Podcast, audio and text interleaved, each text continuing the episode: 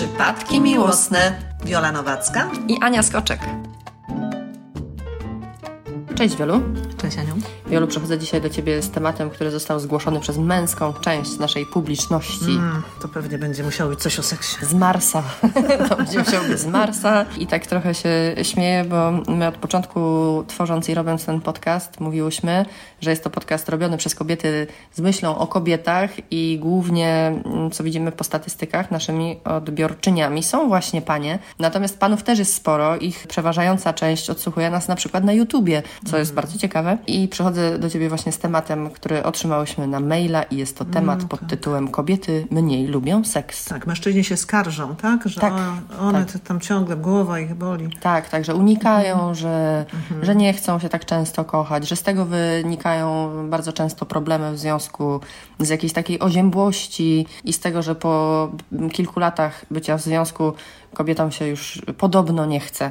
I chciałam się Ciebie spytać, czy to jest fakt, czy to jest fałsz? To są przede wszystkim skutki widzialne, które są wierzchołkiem góry lodowej o której dzisiaj będziemy mówić, żeby tam zajrzeć do środka tej góry lodowej. Bo to nie jest prawda, że kobiety mniej lubią seks. One po prostu wykluczają się z uprawiania seksu z pewnych ważnych powodów w długoletnich związkach. Czyli tak. A nie można... dlatego, że one z mhm. natury są bardziej oziębłe niż mężczyźni na przykład. Czyli można byłoby to porównać do tego, że gdybyś była takim lekarzem internistą i ja bym do ciebie przyszła z problemem pod tytułem nie chce mi się tak kochać, to byś powiedziała, że to jest objaw, a nie choroba. Tak. Mhm. Nie mhm. choroba sama w sobie, tylko jest objaw i trzeba zbadać przyczyny. No to powiedz mi w takim razie wielu, z czego to może wynikać, że te kobiety, tak jak to ładnie powiedziałaś, tak wycofują się, się same mhm. wymeldowują z tej części życia w związku? Mm. Przede wszystkim powiedzmy o takich stereotypowych różnicach między męskim i żeńskim pożądaniem, bo nie możemy tutaj pominąć takich ważnych rzeczy, bo w stereotypach zawsze jest coś prawdy, prawda? Mhm. To ja tak uważam. I zobaczmy, co tu jest prawdziwego na pewno. Męskie pożądanie to takie dążenie właśnie do finału, czyli dla nich seks to stosunek, a dla kobiet one nie są już takie zadaniowe i nie skupione tylko na, na celu i żeby się tak wykazać tym zjawiskiem, zadaniem. Kobiety lubią tworzyć więzi, czyli dla nich ten seks też jest wskąpany w szerszym kontekście niż sam akt seksualny. Czyli kobiety potrzebują miłości, więzi, jakiejś bliskości emocjonalnej. I dla nich, wiesz, sam seks sam z siebie. Jeśli mężczyzna nie tworzy z nią albo nie chce tworzyć związku, w którym będzie jakieś pojednanie, porozumienie, kiedy nie będzie tam czegoś, co robią razem, żeby ona nie będzie czuła, że jest tam blisko, albo na przykład ta więź to także dla kobiet jest potrzeba doznawania adoracji czy jakiejś atencji od mężczyzny. Jeśli mężczyzna za tym nie nadąża, bo on ma inny tam, wiesz, pomysł na związki. Mniej tam jest dla niego potrzeba tej e, uczuciowości, mniej okazywania A kobiety uczuć. też nie potrafią często mówić Aha, o tym, czego potrzebują. Tak. I tu się nam jakby trochę rozmywa dojście do, do, rozwiązania tego problemu i efekt jest... No tak. Jakby generalnie cała jakość tego związku dla kobiety jest ważna i przekłada się później na to pożądanie, a dla niego jakby tak bardziej punktowo. Ten seks jest jakby zjawiskiem bardziej oderwanym niż dla niej od tej reszty, od tej mhm. bliskości, wiesz, Czyli od relacji. mówisz, że co, niezależnie od tego, czy wraca z pracy, pracy, odzywa się półsłówkami, właśnie nie zwierza się z tego, co się wydarzyło w ciągu dnia. Kobieta też tam nie mówi, co ciekawego u niej słychać i tak dalej. Nagle okazuje się, że mężczyzna na przykład dąży do zbliżenia, mhm. no to, to kobieta jakby nie chce tego, tak? No tak, bo dla niej to zupełnie wyrwane z kontekstu jest, wiesz, ona nie czuje ani atmosfery, ani tego, że jest ważna, ani że jest blisko.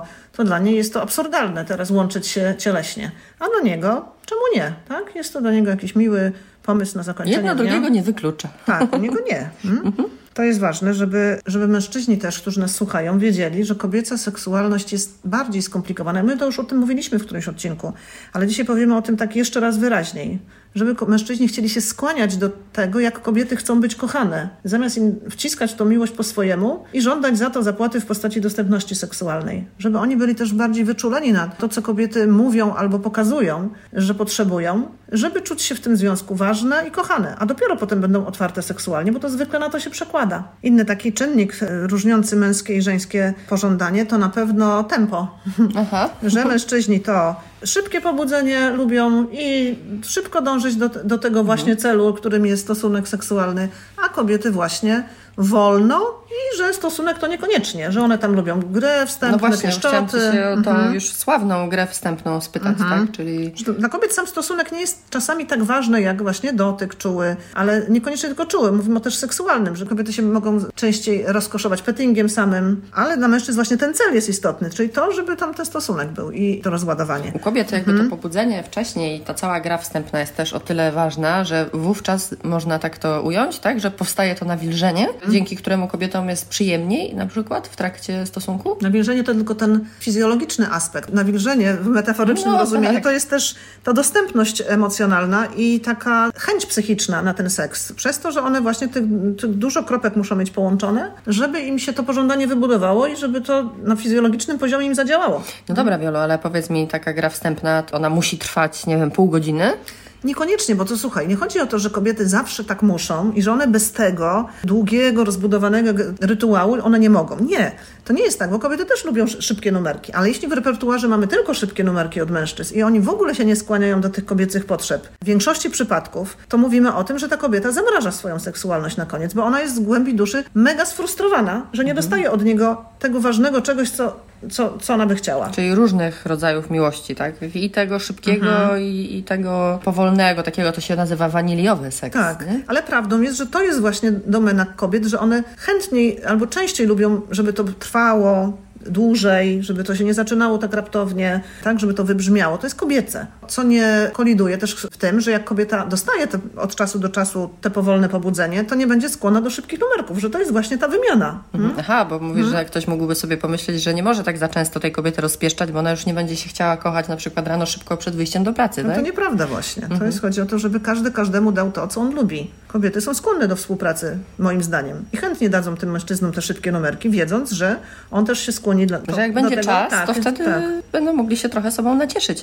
Mielu, a powiedz mi, właśnie często zdarza się u Ciebie w gabinecie, że mężczyźni skarżą się na, na taką oziębłość kobiet? Bywa tak, że jeśli już para przychodzi, to zazwyczaj statystycznie mężczyzna się uskarża na brak seksu częściej niż kobieta. Chociaż są wyjątki już w dzisiejszych czasach. Okej, czyli kobiety po prostu zaczynają o tej swojej seksualności głośno mówić i też domagać się tej przyjemności dla siebie, tak?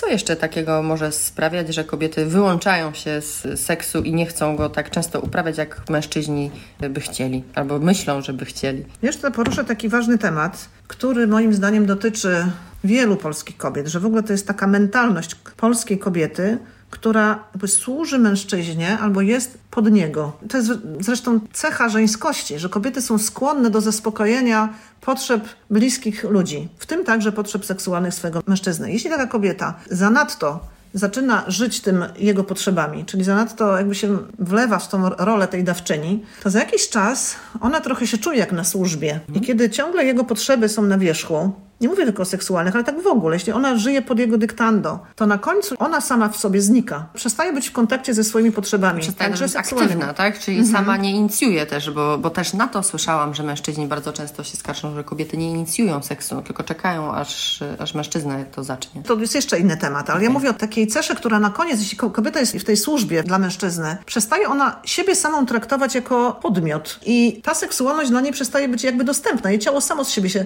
zamraża, bo jeśli ona sa- cała jest dla niego, to nie jest to partnerskie tak do końca. Nie jest w kontakcie, tak? Z nie jest w kontakcie. potrzebami, Nie jest w tak? kontakcie. Za jakiś czas, wiesz, ona jest tylko do reagowania na jego potrzeby. Kobiety, które nie żyją zgodnie ze sobą, tylko pod mężczyznę, bardzo często mają upośledzone libido. Więc ja apeluję do tych matek Teres, że tak powiem, żeby zweryfikowały też swoją tą postawę dawania. To są te matki Polki właśnie. A powiedz wielu, można coś takiego spróbować, taką teorię wysnuć, że kobiecość jest powiązana mocno właśnie z seksualnością? Prawdziwa kobiecość uwielbia seksualność. To jest takie ziemskie zakorzenienie się w własnych zmysłach, w odczuwaniu świata. Kobieta w ogóle jest taka Sensoryczna. se- sensualna, sensoryczna, zmysłowa. No cielesna na wskroś. Kobiecość taka jest. Taka blisko ziemi. Ale zdrowa kobiecość. Natomiast ta, o której mówię, ta w służbie, to nie jest zdrowa kobiecość. To jest taka, która zapomina o sobie i dlatego jej seksualność więdnie w niej samej. Znika z czasem. Czy razem z tą seksualnością więdnie trochę kobiecość? O tak, bo to idzie w parze. Tak? Jeśli kobieta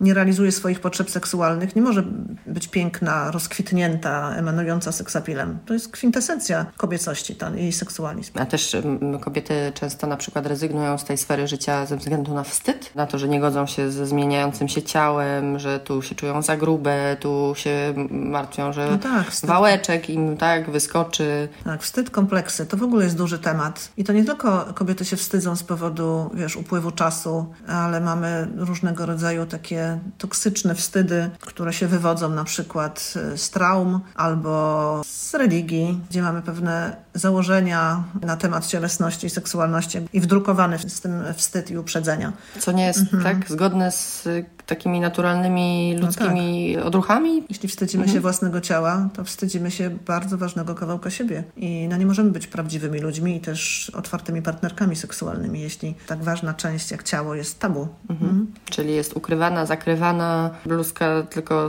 pod szyję, tak, albo golf najlepiej, włosy tak. może spięte lub zakryte i tak dalej, i tak dalej. Wiesz, jeśli to jest taka męka, wiesz, bo ze wstydem y, seks to jest no, męczarnia, no to za jakiś czas, jeśli ten wstyd nie jest uleczony, to trudno się spodziewać, że kobieta będzie gejzerem seksualności. A jeśli ona ma ten paraliż wstyd wewnątrz. nie jest wcześniej zdiagnozowany i leczony, to on rośnie? No tak, wszystko co jest nieleczone, a jest w nas, ma naturę tak jak kula śnieżna. Więcej, więcej, więcej. Jak jest niezauważone, to będzie się do tego przyczepiało i przyczepiało coraz więcej rzeczy. No i tak na koniec będziemy całkiem zwiędnięte i zamrożone. Czyli no, możemy jeśli- mieć 40 Mhm. lat. No właśnie, bo albo 30. Czyli jeśli kobieta się wstydzi, nie wiem, swoich brzydkich dłoni, to można powiedzieć, że za, za 5 lat może się wstydzić po prostu wszystkiego, tak? No Mhm. kolan. Słyszałam kiedyś o dziewczynie, która się strasznie wstydziła swoich kolan. No to było takie absurdalne. Albo stóp, już słyszałam. I nie mogła y, wiesz, się otworzyć na seks. No bo cały czas myślała, że zostanie zdyskwalifikowana przez to. To z kolei opowiadał mi Mhm. e, w trakcie rozmowy jeden z podologów, który mówił, że miał u siebie pacjentkę, której mąż do, przez kilkanaście lat związku i małżeństwa nie widział jej stóp. I dopiero Mhm. jak on je, że tak powiem, naprawił w cudzysłowie, to dopiero pierwszy raz po jakichś tam kilkunastu latach związku te stopy zobaczył.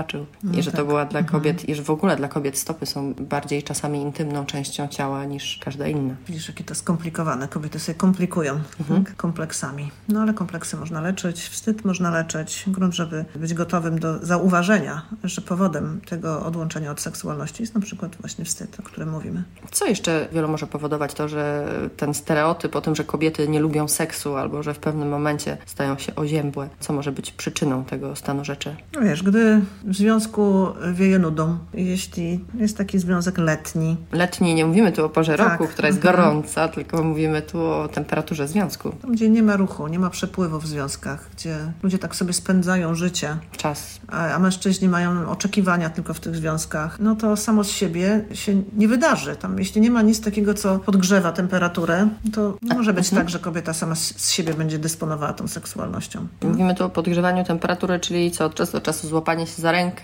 od czasu do czasu danie sobie buziaka albo pójście do kina? No choćby, choćby, wiesz, to wszystko, wszystkie rytuały, które zbliżają ludzi do siebie, tworzą taką bazę w związku, w którym można powiedzieć, że jest nam ze sobą fajnie. Ale jak nie możemy tego powiedzieć, bo nam jest po prostu nudno, bo wszystko, nie wiem, jest wystygnięte.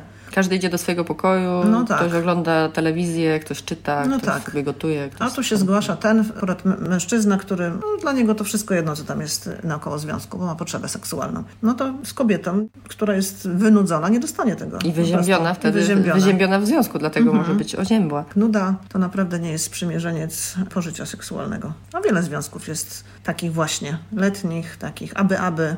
Tak jak mówiłyśmy też w jednym z tych odcinków, bodajże o tchórzach, tak go nazwałam, więc znowu użyję tego słowa, którego ty nie lubisz, ale właśnie takie związki po prostu z jakiegoś rozsądku, czy ze strachu, albo innych obaw, które się gdzieś tam w życiu pojawiły, to one mają tendencję do tego, prawda, żeby się gdzieś wytracać tak. fascynację, tak? No bo to mimo wszystko mówimy tu o jakiejś też poniekąd fascynacji sobą, która może się utrzymać przez kilka dłuższych, czy kilkanaście nawet, czy kilkadziesiąt lat. Ona nie musi umierać. To nie jest tak, że powinniśmy się nastawiać na to albo przyjmować do siebie to, co mówi pokolenie naszych matek, czy ciotek, czy babci, że, że już tam, wiesz, po 20 latach związku to jak z bratem, nie? No, to jest nieprawda. Ja nie chciałabym, żeby ludzie w to wierzyli, że to jest jakaś pula wyjściowa, która później się traci i traci i na koniec jest bęc.